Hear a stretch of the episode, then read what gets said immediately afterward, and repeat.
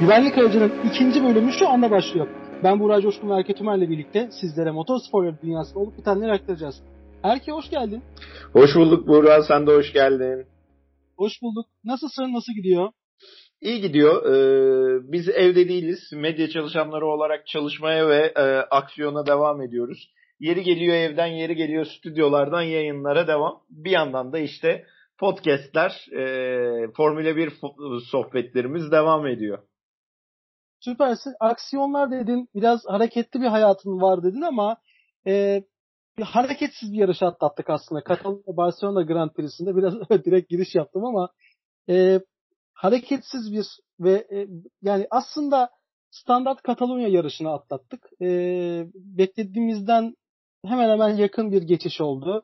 E, taktik savaşları bekliyorduk. Öyle oldu. Ama öncelikle ben şöyle başlamak istiyorum. Teşekkürler Japon çocuk. Teşekkürler Yuki Tsunoda. Sayende ismimiz bir kez daha yaşamış oldu ve ikinci programımızda adımıza yaraşır bir şekilde programa başlıyoruz. Senin düşüncelerine devam edelim. Ben çok basit bir şey söyleyeyim. Yarış öncesinde ahkam kestiğim bir konu vardı. Hani buradan kendimi de eleştireyim. Ahkam kesmemek gerekiyormuş. Ee, çocuğun biri çıkar, e, basit bir hata yapar ve söylemlerini yıkar geçer.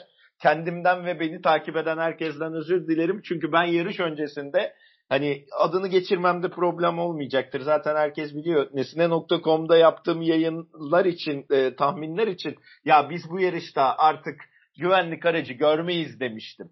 Çünkü hazırlık turları ve antrenmanlarda izlediğim e, performanslar e, az önce senin de altını çizdiğin gibi çok standart bir yarış bize izletecekti. Şeyi anlamadım yani sen Formula 1 pilotu olmuştun olmuşsun. Artık o aracı pistten çıkar. Riskli bölgede tutma değil mi? Bunu bile beceremeyen bir Tsunoda var. Kendisine selam olsun buradan. E, programın adını yaşattı bir yarışta da ama senin de az önce altını çizdiğin gibi zaten e, dördüncü turdan itibaren hemen hemen hepimizin beklediği şey pit stop stratejileri ne olacak ve hangi takım hangi lastikle yola devam edip neyi başaracak ki? Keza yarışın başlangıcında e, Verstappen muazzam bir çekiş yakaladı. Ben beklemiyordum açıkçası böyle bir çekiş yakalayabileceğini ama sonrasını getiremedi. Keza Bottas da zaten dünkü açıklamalarında yer verdi. Bugün de gördüm e, BBC'deydi yanlış görmediysem. Bir takım stratejisi vardı. Benim arkamdaki tarafı tutmam gerekiyordu ve ben de bunu yapmaya çalıştım. Hani şampiyon olabilmek ve yarışı birinci bitirebilmek için takımla ortak hareket etmeniz gerekiyor. E, Mercedes kazandı, mutluyum şeklinde bir böyle geçtiğimiz haftaya nazaran bu hafta bir geri vites yapıp yerini korumaya çalışmış bir Bottas açıklaması gördük diyebilirim. Heyecansız bir yarış. Benim açımdan hani orta sıra mücadeleleri çok keyifliydi. Bilmiyorum sen neler söylersin. Özellikle yarışın son turlarındaki heyecan muazzamdı. Şöyle o zaman e, devam edeyim. Öncelikle lastik stratejisinden bahsettim. 20 pilotun sadece 20 pilot arasında sadece Raikkonen orta hamurla yarışa başladı. Diğer tüm pilotlar yumuşak hamurla yarışa başladı. Çok şaşırtıcı bir tercihti. Açıkçası ben birkaç tane pilottan orta hamurla biraz daha ilk e, seansı biraz daha hızlı geçebileceğini düşünüyordum açıkçası. Olmadı.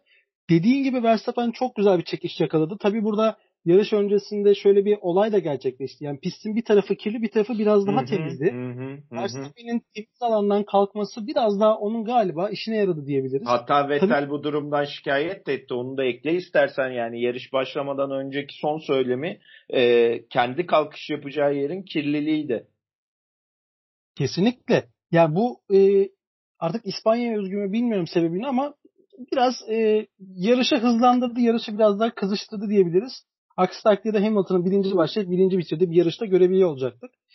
E, diğer taraftan yarış içerisindeki söylemlerde veya yarış sonrasındaki açıklamalarda şöyle bir şey gördüm. Hamilton ve Verstappen arasındaki hem dostluk hem de aslında bir çok güzel bir mücadele var. Yani Hamilton pardon özür diliyorum. Verstappen Hamilton'a güveniyor. Çünkü o bana ara bırakacak ve boşluk bırakacak diyor. Yani aslında bunlar gerçekten sezon sonuna kadar çekişmeli mücadele gösterecekler bize. Ama diğer taraftan galiba biz bunların arasında hiçbir temas görmeyeceğiz. Bu da çok muhteşem bir şey. Zamanındaki e, hatta Hamilton ve Rosberg arasındaki e, Katalonya'daki yarışı hepimiz hatırlıyoruzdur. Hmm, evet. Mercedes'in puan alamasına sebep hatta Mercedes'in serisinin serisine ara vermesine sebebiyet veren bir yarıştı. Bu da çok değişik bir durumdur.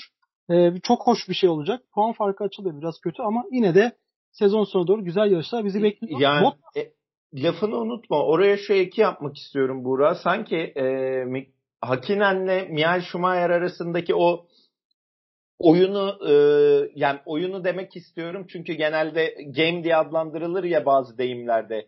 E, oyunu öğrenmek dediğin şeyde birbirinden yarışmayı, oyunu, bu sporu öğrenmeye hala devam eden bir iki adam var ve Hamilton'da hatırlarsan yarış sonunda şey dedi. Onun bu kez arabayı nasıl kullandığını daha çok ta, e, takip ettim. Fren e, kullanışını, lastik tercihlerini, araca yaklaşımını takip ettim. Ben bu yarışta Verstappen'i izledim, gerçekten izledim dedi hatırlıyorsan. Aslında bunun da tıpkı geçmiş yıllardaki o Mikakinen e, Schumacher dostluğuna yakın bir mücadeleci dostluğu beraberinde getirecekmiş gibi. Kesinlikle, kesinlikle ben de aynı şekilde devam edecektim. E burada e, Bottas'tan bahsedecektim. Daha doğrusu e, nevi şahsının münasır lakabı memur Bottas'tan bahsedecektim. E, biraz önce yayın girişinde senin bahsettiğin üzere benim işim yani benim arka, e, asıl, asıl amacım arka tarafı tutmaktı ve bunu başardığımı söylüyorum dedi. E, doğru. Ona verilen görev zaten bu. Ve diğer taraftan ne yazık ki hala Red Bull'un ikinci pilot olarak adlandırabileceğimiz Sergio Perez hala e, Red Bull aracına alışamadığı ve arka tarafta mücadelesi e, çok can sıkıcı, çok can yakıcı Red Bull için, Red Bull adına. E, tabii belki de Perez'in e, geçen seneki e, pilot Alex Albon'a göre belki kredisi biraz daha fazla ama kendisini biraz fazla daha erkenden toparlaması gerektiğini düşünüyorum. E, tabii ki almadan geçemeyeceğimiz Ferrari'lerimiz var. E, Leclerc dördüncü başladı, dördüncü bitirdi. Sainz altıncı başladı, yedinci bitirdi. Orada bir ufak problem mi vardı, ne vardı bilemiyorum. Senin gözünden bir Ferrari'leri ben, görelim. Ben Sainz'ın açıkla hem e, yarışı izlerken hem de Sainz'ın özellikle e, yarış sonrasındaki açıklamalarından okuduklarımla Sainz'la aynı noktadaymışım. Ferrari'ler aslında virajlarda çok hızlı olmasına rağmen tıpkı geçtiğimiz yıllarda olduğu gibi düzlüğe çıktığı zaman ya da oval bir e, şimdi virajın numarasını unuttum kusura bakma. E, değil. E, oval virajlarda yani süratli virajlarda aracın dengesini kurmak ve aracı aynı sürette tutma konusunda ciddi sıkıntı yaşadığını ve bunu özellikle Carlos Sainz'in yaşadığını gördük. E, Sherlockler en azından düzlüklerdeki o e, süre kaybını ya da hız kaybını virajlarda telafi edebilirken Carlos Sainz bunu yapamadı. Bir de Carlos Sainz'ın dezavantajı şu oldu bence. Ricardo çok a- acayip bir agresiflikte başladı yarışa. Ve e, Perez de aynı agresiflikle yarışa girince ve bu üç aracı birbiriyle kıyasladığın zaman e, mekanik olarak, mühendislik olarak bunu söyleyeceğim e, için Ferrari'ler bana kızacak. Ya dördüncü aynı araç dördüncü oldu ama e, Red Bull'la e, McLaren'in hala bence gerisinde. Sürat olarak, düzlüklerdeki sürat olarak hala gerisinde bir Ferrari var ve e, Carlos Sainz'in de alameti farikası McLaren'de düzlüklerdeki süreti ve cesaretiydi. Şu an bunu tifosi ile gösteremiyor ve e, bu yarışta Ricardo da Perez de agresif bir e, tutum gösterince otomatikman yerini koruyamadı ya da yükselemedi ama e, seyir olarak o orta sıralardaki o hele son dönemdeki mücadele bence onun da bir şeyler yapabileceğini gösterdi ki Ferrari iki aracıyla da puan alabilmiş olmak bu kadar standart ve tek düze bir yarışta puan almış olmayı iki araçtan mutluluk sayabilir bence. Şöyle devam edeyim. E, zaten motor klasmanına baktığınız zaman şu anda Formula 1'de 4 tane motor sağlayıcısı var. Mercedes, Honda, Ferrari ve Renault. E, sıralamaya baktığımız zaman şu anda galiba Mercedes birinci sırada gözüküyor. İkinci sıraya Honda'yı alabiliriz. Üçüncü sırada da Ferrari geliyor. E, Honda motoru, Mercedes motoru zaten biliyorsun hepimizin bildiği üzere McLaren Mercedes'e geçti sezon başında. Motor değişiklikleri her her araç için çok büyük bir olaydır. Sadece motor değiştirmiyorsun çünkü. İç aksamı neredeyse tamamını değiştirmek zorundasın. Biraz hızlı adapte oldu McLaren takımı. Ricardo da hızlı adapte olmaya çalışıyor. Dolayısıyla McLaren eski formuna, geçen seneki formuna hızlı bir şekilde kavuşmuş oldu. Norris bunu zaten bize gösterdi. Diğer taraftan bahsettiğimiz tifosiler geçen sene inanılmaz derecede farklı. Bence hani öpüp başımıza koymamız lazım Ferrari'nin bu performansını geçen sene Ben devam edilebilir olduğunu düşünmüyorum Buğra. Bak biraz daha agresif ve biraz daha süratli pistlerde e, ben Ferrari'nin buralarda olabileceğini hala düşünmüyorum. Ferrari'lere karşı belki benim ön yargımdır bu bilemiyorum ama e, biraz daha agresif ve biraz daha süratli pistlerde e, Sherlock'lerin bu kadar tek düze bir yarışta dördüncü olabilmesi çok mümkün değil ki bu yarış gerçekten az önce sen de söyledin ben de tekrar edeyim e, tamamen ve tamamen lastik ve pit stop stratejilerinin belirlediği bir sıralamayla ortaya çıktı. Doğru bir bu, bu pistin en büyük e, farklarından bir tanesi de normalde sezon öncesi testlerinin yapıldığı bir pist. Hı hı. E, sezon öncesi testler burada yapılır. Araçlar aerodinamisini ona göre ayarlar. E, motor açma, kapatma, lastik koruma tamamıyla bu piste göre yaparlar. E, bu sene öyle yapılmadı. Biraz farklı bir e, sistem yapıldı e, sezon öncesi testlerde. Biraz da şöyle devam edeyim. Şimdi önümüzde sıkı bir yarış takvimi var. Monaco, Monaco'nun ardından Azerbaycan veya Türkiye e, şu andaki haberlere göre Azerbaycan ve Türkiye'nin yer değiştirme olasılığı var. Bu üç pist için, üst, üç e, yarış için senin öngörünü alabilir miyim? Özellikle tifosiler için. Madem tifosilerden bahsettik. Valla Monaco'da 7-8 kalır gibime geliyor. Azerbaycan'da da hani 5 5 veya 6'ya bir tane araç girer. Türkiye Grand Prix'si yani ee, emin değilim ya. Emin değilim. Emin değilim. Bu sefer de Türkiye'nin sıcağıyla baş edecekler. İstanbul'un sıcağıyla baş edecekler o tarihte. Ne kadar havalar tam soğumamış olsa da geçtiğimiz yıla oranla biraz daha serin bir dönemden geçiyoruz ama çok emin değilim. Bak Türkiye'yi kestiremiyorum ama normal şartlarda, normal hava koşullarında gene e, Türkiye'de de McLaren'ler kadar hızlı olabilirler mi? Pek emin değilim. Tabii burada o zaman şey faktörüne biraz değinelim. Renault, Alpine faktörü. E, Alpine'in biraz daha İstanbul'da sanki toparlayacağını ki bunu performans da biraz gösterdi. Evet Alonso 10. başladı 17. bitirdi ama Alpine birazdan gireceğim. Birazdan senin yorumunu alacağım ama hazır Red Bull, e, McLaren ve Ferrari arasındaki bu çatışmayı görmüşken şundan bahsetmek istiyorum. Ricardo ve Perez arasında bir mücadele vardı. Bayağı aslında sürdü. 3-4 tura yakın sürdü. 4 tur sürdü Ricardo galiba.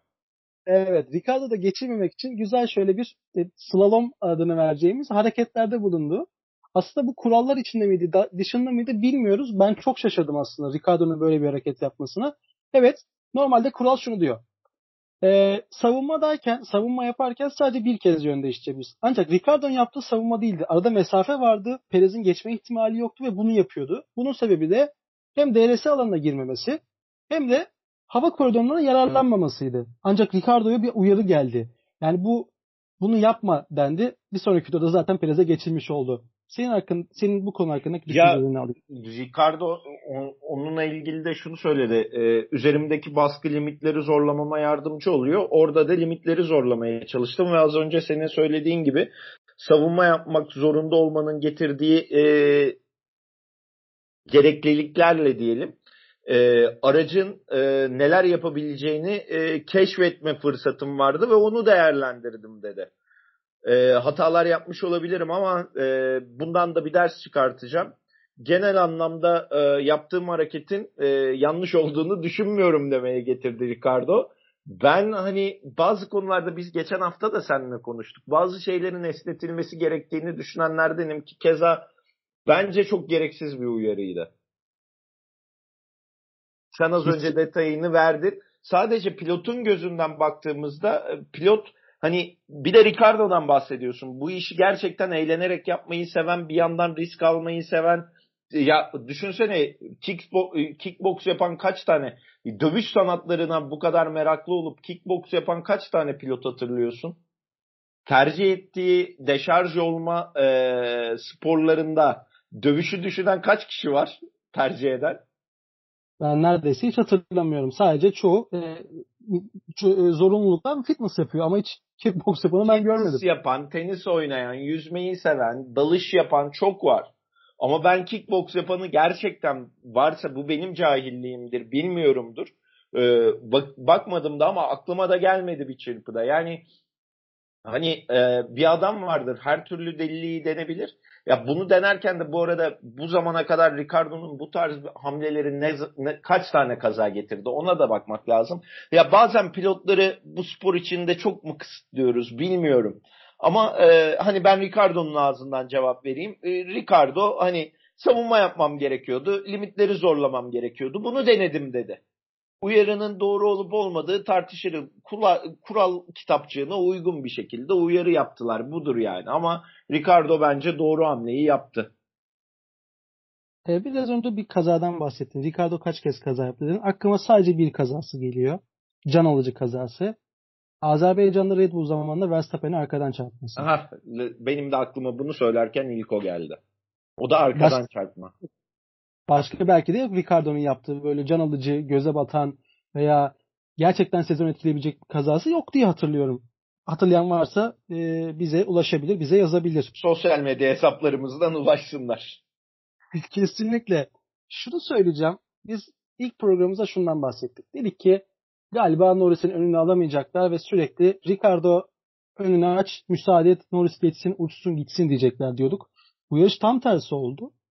Ricardo'ya yol verildi. Tabii burada pit stratejisi de önemli. Çünkü Norris'in orta hamurlu lastiği vardı ve Ricardo yeni yumuşak hamura geçmişti. Arkasında da bir Ferrari faktörü vardı. Farkı açması gerekiyordu. Ama yine de sezonda beklediğimizin tam tersi oldu. Ricardo'ya yol verildi. Ricardo galiba biraz kendini toparladı ya da araca alıştı. Galiba McLaren iki araçla savaşmaya devam edecek. Ne diyorsun bu konuyla ilgili? Beni düzelt.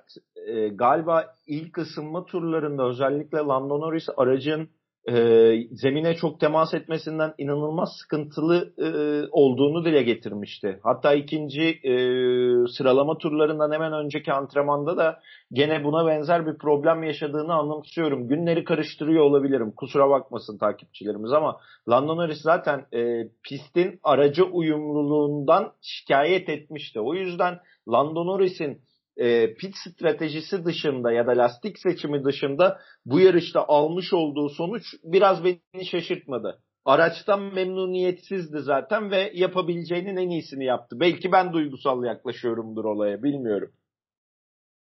Yani 9. başlayıp 8. bitirmesi Norris'in önceki performansına bakarsak gerçekten çok kötü ama bahsettiğin açılardan da düşündüğümüz zaman gerçekten başarılı olarak da görebiliyoruz. Tabii biraz da sempatimiz var. O ayrı mesele ama Norris bence e, iyi yarışlar çıkartmaya devam edecektir. E, Alfin'den bahsetmiştik biraz önce. Oraya gelelim. O konu muhteşem bir sıralama turu performansı. Beşincilik. Alonso keza aynı şekilde. Onunculuk. Q3'e kaldılar. Ancak yarış içerisinde Alonso'nun farklı pist stratejisi, Ocon'un keza motorunun yetmemesi diyeyim. Yani Katalonya'ya uygun olmaması hala Alfin'in. Senin bir önceki programda bahsettiğin üzere. Ocon 9. Alonso da 17. bitirdi. Kötü bir performans, kötü bir bitiricilik oldu Alfin için. Biraz o takımdan devam edelim. Hele yarışın son bölümünde sıra koruma çabası içerisinde yaşananlar bence e, görülmeye değerdi. Yani o konu özelinde iyi bir yarış çıktı diyebiliriz ama genel hatları itibariyle e, olmadı. Bu yarışta olmadı. Geçen hafta konuşmuştuk olmadı. Ha Ocon'un 9. bitirmesi bu pistte Alfin için e, bir başarıdır. Onlar bunun tadını gene çıkarmışlardır ama e, biraz daha az önce konuştuk ya işte düzlüğü fazla olan e, temposu daha yüksek olan pistlerde e, daha farklı şeyler izleriz gibime geliyor. Bir de çok tek düze bir yarıştı. Sevgili Buğra kaza yok. Strateji az. Güvenlik aracı beklenilenden e, daha az bir şekilde en azından e, piste çıktı. Yani Renault gibi, Alfa Tauri gibi, işte Aston Martin gibi takımlar puan alacaksa ya da yukarıyı zorlayacaksa yarışların çok daha aksiyonlu ve yarışların çok daha e, tek düzelikten uzak olması gerekiyor. E, çok tek düze bir yarışta yapabildiğinin en iyisi bu Alfi'nin. Hemen şöyle bir yarış içerisindeki aksiyonlardan bahsetmek istiyorum. E, notumda şunu almıştım. Hamilton'ın liderliğe çıkışı var tabii ki. Bu pit tabii. stratejisi, pit duvarının stratejisidir. Oraya uzun bir yer ayıracağız ama ben şundan bahsetmek istiyorum. Yarışın son puan için bir yere çok güzel bir mücadele vardı. Evet. Alonso, Gazi, Raikkonen, Vettel ve Russell arasında. Hatta bir ara ben hani e, ayağa kalktım ve Russell puan alacak diye sevinmek üzereydim. Artık herkes Russell sempatizanı oldu herhalde. Çünkü Russell'ın puan almasını istiyor gibiyiz. Bu Alonso, Stroll, Gazi, Raikkonen, Vettel ve Russell arasındaki mücadele seni biraz heyecanlandırdı mı bu yarışta? Galiba tek heyecanlandıran nokta da buydu. Zaten yarışın tek aksiyon anı da buydu. Ee, ben sadece Stroll'ün oradan bir şekilde bir şeyler çıkartmasını bekliyordum. Hani George Russell'a oranla hani Mercedes motorunun oradan daha randımanlı bir şekilde çıkacağını düşünüyordum ama olmadı ve Alonso'nun bu kadar yer kaybetmiş olması da orada beni üzen detaylardan bir tanesi. Daha tutabilir miydi ya da orada daha ayakta kalabilir miydi çok emin değil. Yani daha ayakta kalmasını bekliyordum galiba. Geçmişe duyulan özlem bizimki. Kesinlikle. Ee, Alonso güzel performanslar sergilemeye devam ediyor. Yükselecektir. Yani ara, altındaki araç ne kadar izin verir o ayrı ama biraz daha toparlayacaktır diye düşünüyorum. Artık biraz şeye gelelim. Ee, baştaki o mağlubiyetin Red Bull pit duvarına yazdığı o muhteşem hata Red Bull açısından, muhteşem mühendislik başarısı Mercedes açısından. Hamilton pit'e girdi. Verstappen girmedi. Ee, bize şeyi anımsattı. 2019 Macaristan. Adeta bir replika oldu. Adeta aynısı oldu. Ee, bu sefer umutluydum. Verstappen önde kalır diyordum ama hiç olmadı. Yine Sir Hamilton 98. galibiyetine ulaştı. Biraz oradan devam edelim. 100. 100. pol pozisyonunu e, çıkartan bu adamın e, yarışı kazanmasına şaşırıyor muyuz ya da 98. galibiyetini almasına şaşırıyor muyuz? E, ya strateji her şey ya. Bu bu, bu, bu, bu, bu pist için bunu söylemek e, çok doğru ve yani Verstappen çizgiyi tutamadı, zorlama yaptı, kaza yapacaklar gibi oldu falan. Yani hepsini arka arkaya koyduğunda bazı şeyler tecrübeyle doğru orantılı ilerler ya. Tecrübenin e, doğru bir şekilde pist üzerine yansıtılışı ve bunun pit duvarı tarafından desteklenmesinin kusursuz ürünü Lewis Hamilton dünya tarihinin gelmiş geçmiş en iyi pilotu oldurttular bir şekilde Lewis Hamilton'ı ve ya şu var düşünsene e, Red Bull'sun 15 tane mühendis çalıyorsun Mercedes'ten. Toto Wolff bu hafta açıklama yapıyor. Diyor ki yüze yakın mühendisimize değil mi? Yanlış hatırlamıyorum. Öyle söyledi Toto Wolff. Yüze yakın doğru. mühendisimize teklif yollamışlar. 15'ini bizden aldılar.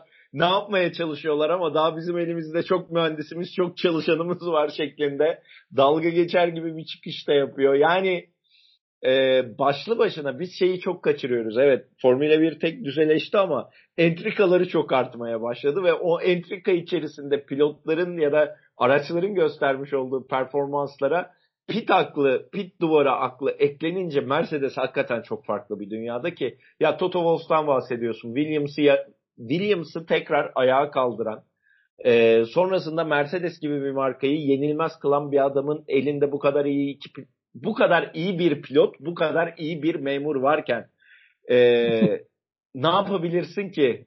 Ya ben Horner'ın yerinde olmak gerçekten hiç istemiyorum. Hiç istemiyorum sevgili Burak. Yani ne deniyorsa olmuyor. Düşünsene. Erken pite sokuyorsun. Yani bir önceki yarışa dönelim. Mercedes'ten önce pite giriyorsun. Lewis Hamilton lastikleri veriyor. O oluyor. Ne zaman lastik değiştireceğiz falan diyor. En hızlı turları atıyor ve farkı açıp gidiyor. Bu yarışta daha farklı bir strateji izliyorsun. Gene elinde patlıyor anladın mı? Yani yenilmez bir e, arma da var karşında ve ne yaparsan ya adamları geçemiyorsun. Kesinlikle. Ya bir de şöyle de bir durum var. Yani e, Hamilton biraz önce sen dedin ya Toto Wolff'un bu mühendislerle ilgili açıklamasını. Ben de Hamilton'ın bir açıklamasını söyleyeceğim. Hem sıralama turlarından sonra hem yarıştan sonra e, fabrikadaki herkese çok teşekkür ediyorum diyor. Yani burada da bence bir ima var. Yani siz ne yaparsanız yapın fabrikada 5 kişi bile kalsa biz size her türlü yenebilme potansiyeline sahibiz demek istiyor galiba. Yani Hamilton'dan artık böyle ince mesajlar almak doğru mu? Bence doğru. Bir diğer taraftan da e, Hamilton'ın yarış başında pardon yarış sonunda bir açıklaması var. Yarışın sadece ilk turdan ibaret olmadığını, uzun bir maraton olduğunu düşündüğüm için çok fazla zorlamadım diyor. E, Verstappen'in bir gençlik enerjisi var. Hamilton'ın bir artık olgunluk enerjisi var. Olgunluk e, tecrübesi var diyelim. E, ikisinin çatışması güzel ama Hamilton'ın kazanması artık hiç hoş değil. Bir tat karşısında yani Bottas bile kazansın olur en azından bir yarış. Buna bile razıyım şu anda. Tabii bir tif Tifosi'nin kazanmasına hayır demem ama e, bir değişiklik olması artık yet gerekiyor ya. Hani tamam 100 oldun 100 oldun nereye kadar gideceksin? Yani nedir bunun ucu bucağı neresidir? Kaldı ki bununla ilgili e, aynı topraktan gelme bir genç pilotumuz var. Ailemizin temiz çocuğu Lando Norris'in bir açıklaması var. Şunu demişti.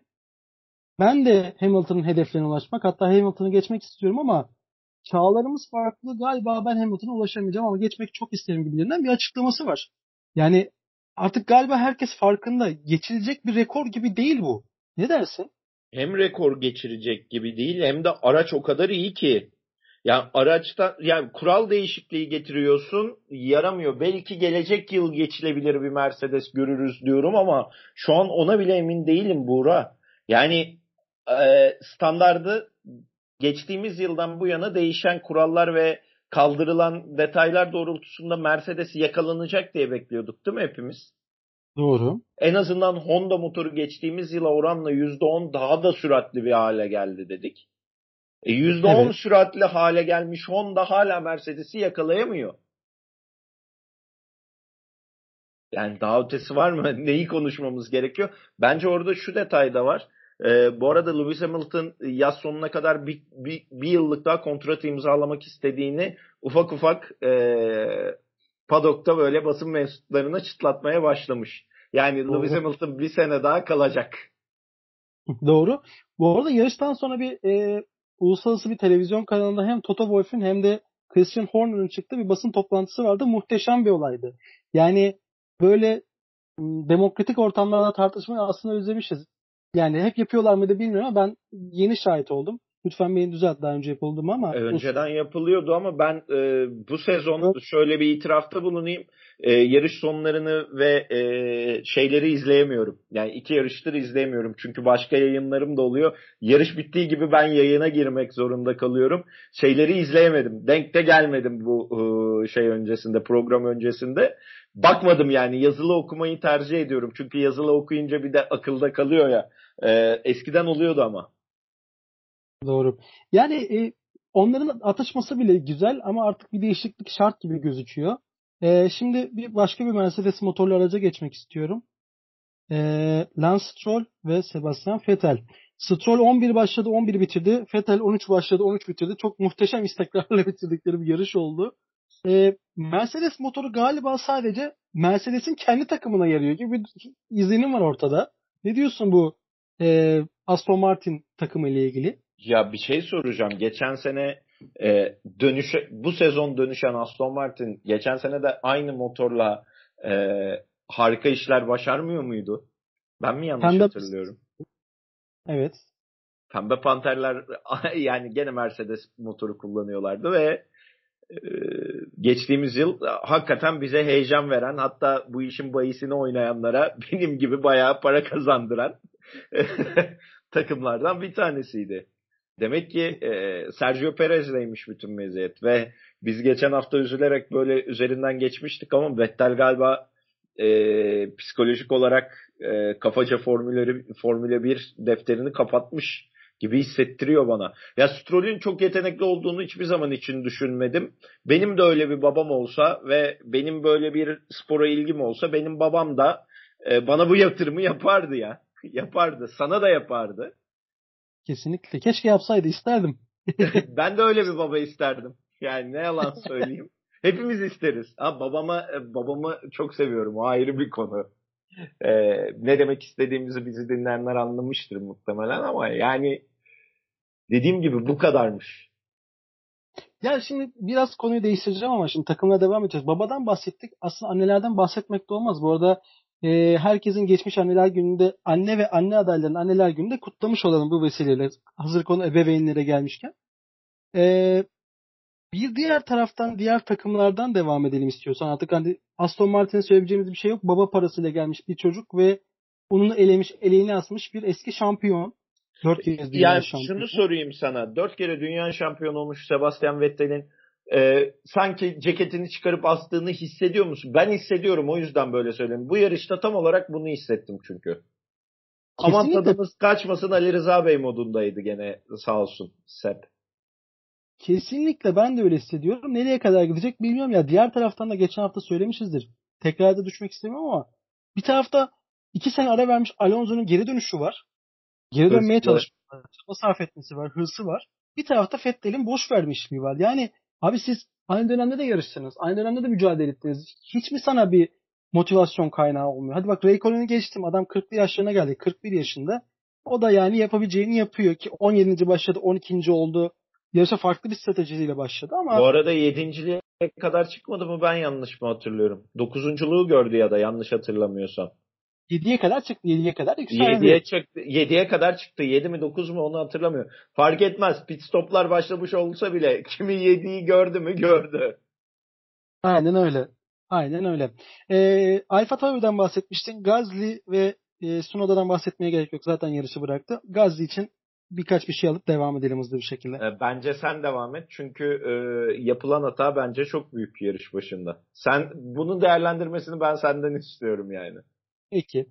Yani e, binlerce sensörün yer aldığı bu teknolojik sporda ve hani cep araçlar cebe yerleşiyor yarışa başlamadan önce. Cebin hemen sağ tarafında veya sol tarafında sarı bir çizgi var. Ve binlerce yarışa çıktın neredeyse. Karting'de şurada burada. Ya nasıl o çizgiyi görmüyorsun? Nasıl görmüyor olabilirsin?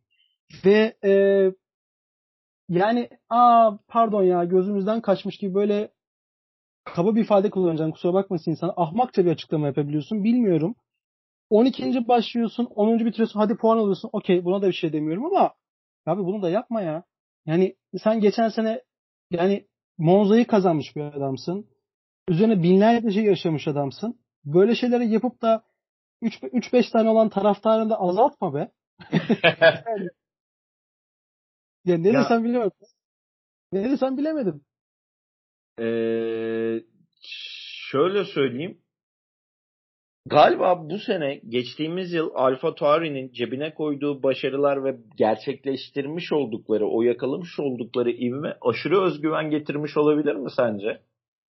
Kesinlikle. Biraz öyle Takıma... bir durum var. Motorunun hızlanmasından belki de şey yap, e, kendini ileride hissettiler. Diğer taraftan hadi Japonumuz geldi, hadi bir eğlencemiz var. Diğer taraftan yarış kazanmış pilotları var dediler herhalde.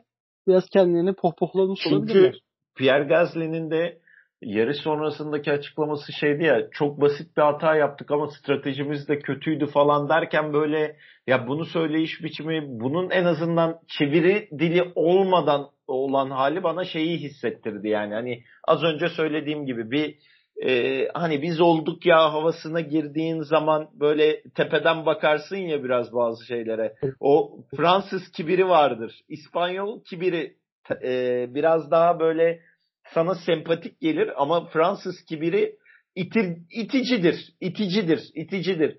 E, biraz o Fransız kibiri vardı sanki Pierre Gasly'de. O ezik çocuk gitmiş, ezilen çocuk gitmiş.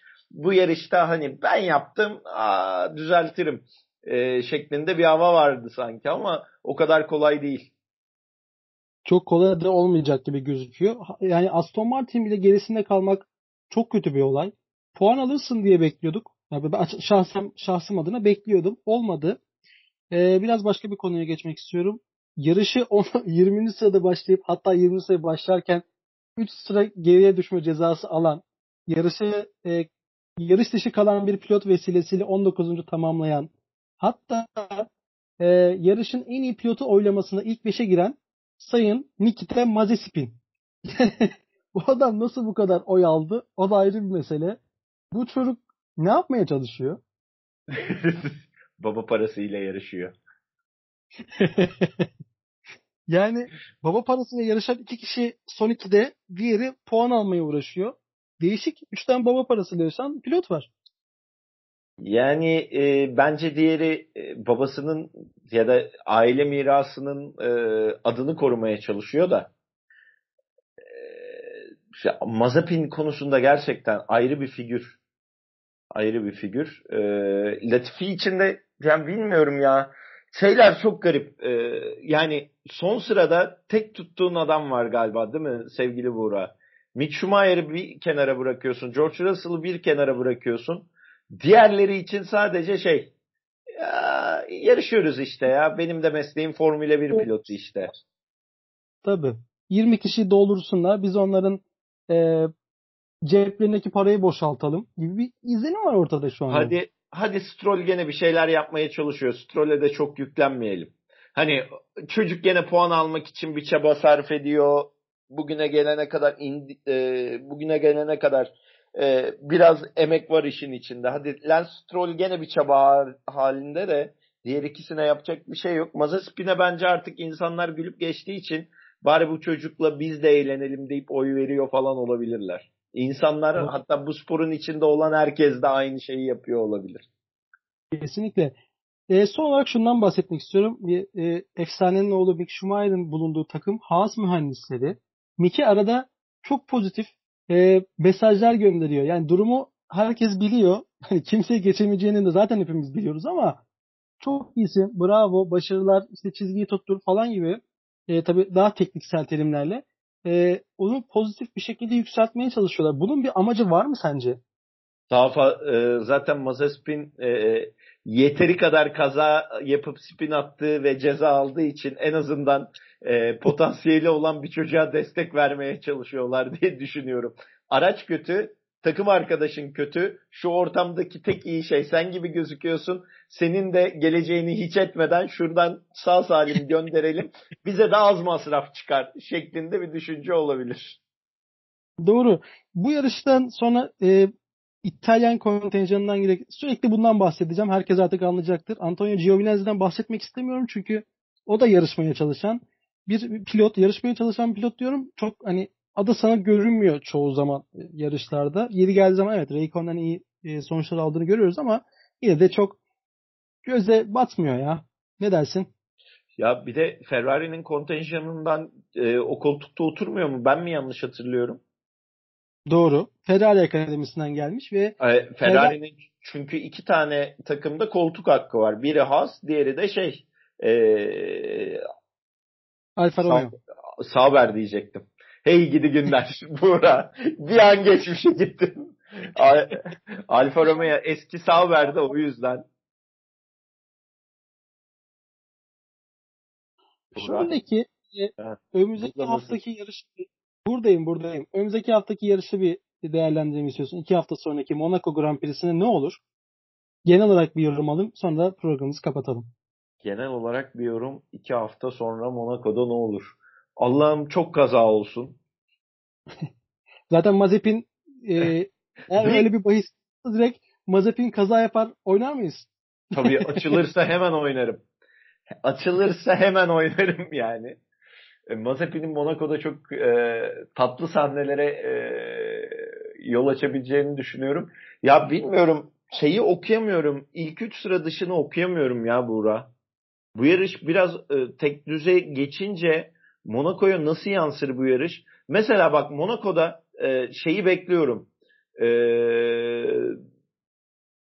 Alonso'nun bir şeyler yapmasını bekliyorum. Keza Ricardo ve Lando Norris'in eğlenceli bir yarış izleteceğini düşünüyorum. Sherlockler gene aynı şekilde burada bir şeyler yapmak isteyecektir.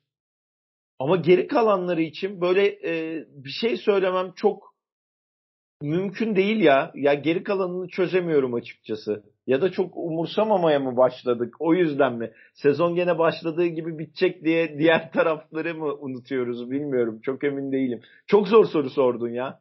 Ya ona e, kendi ülkesinde, kendi şehrinde e, Sherlockler bir şey yapmaya çalışır belki. Ben de aynısını görüyorum. Ya şöyle söyleyeyim hatta ilk 3 dedin sen ben bahsi bir tık daha arttırıyorum. İlk 4 biraz hazır gibi. Hamilton, Verstappen, Bottas ve arkasına Leclerc gelecek gibi duruyor. Hatta Leclerc'in Ferrari'lerin daha doğrusu trafiğe kalmadığı sürece Bottas'ı bile geçebileceğinden böyle bir, bir, bir biraz inancım var artık. Çünkü e, sevdiği yerler. Dediğin gibi Leclerc'in e, arka bahçesi diye tabir edebileceğimiz evinin önü bir, bir anlamda. Sana bir soru Buğra. Bir şey soracağım ya. Bak çok güzel. Tünel çıkışındaki virajda ilk kazayı kim yapar? Hmm. Geçtiğimiz sene olsa Magnussen veya Grosjean derdim ama açıkçası bir yani Japon hareketisi bekliyorum. Şimdi tüm liste gözümün önünde olduğu için rahat rahat söyleyebilirim. Bir Japon hareketisi bekliyorum. Yuki Tsunoda'dan. Öyle bir virajı kesme, direkt bodozlama dalma gibi bir şey bekliyorum. Onun dışında zaten Mazepin'den hiç bahsetmemize gerek yok. Biraz sürpriz yapacağım. Hep hani bazı bahislerde sürprizdir, plasedir ve garantidir kuponları oynanır ya. Ben hemen şöyle bir sürprizli söyleyeyim. Galiba o konudan bir şey gelebilir. O konudan mı bekliyorsun? Evet. Evet.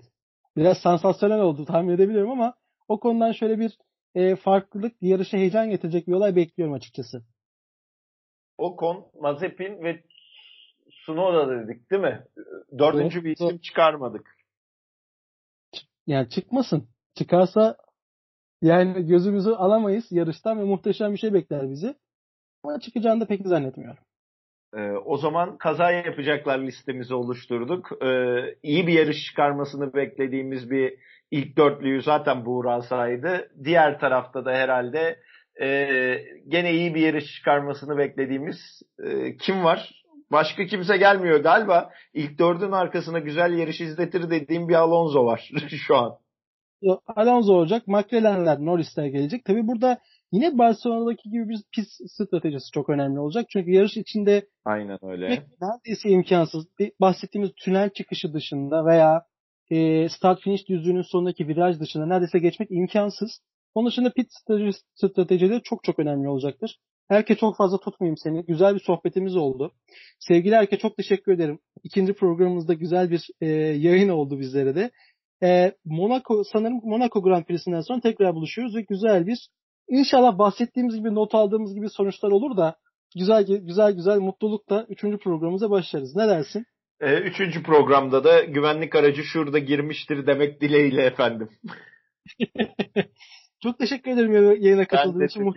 Ben de teşekkür ederim.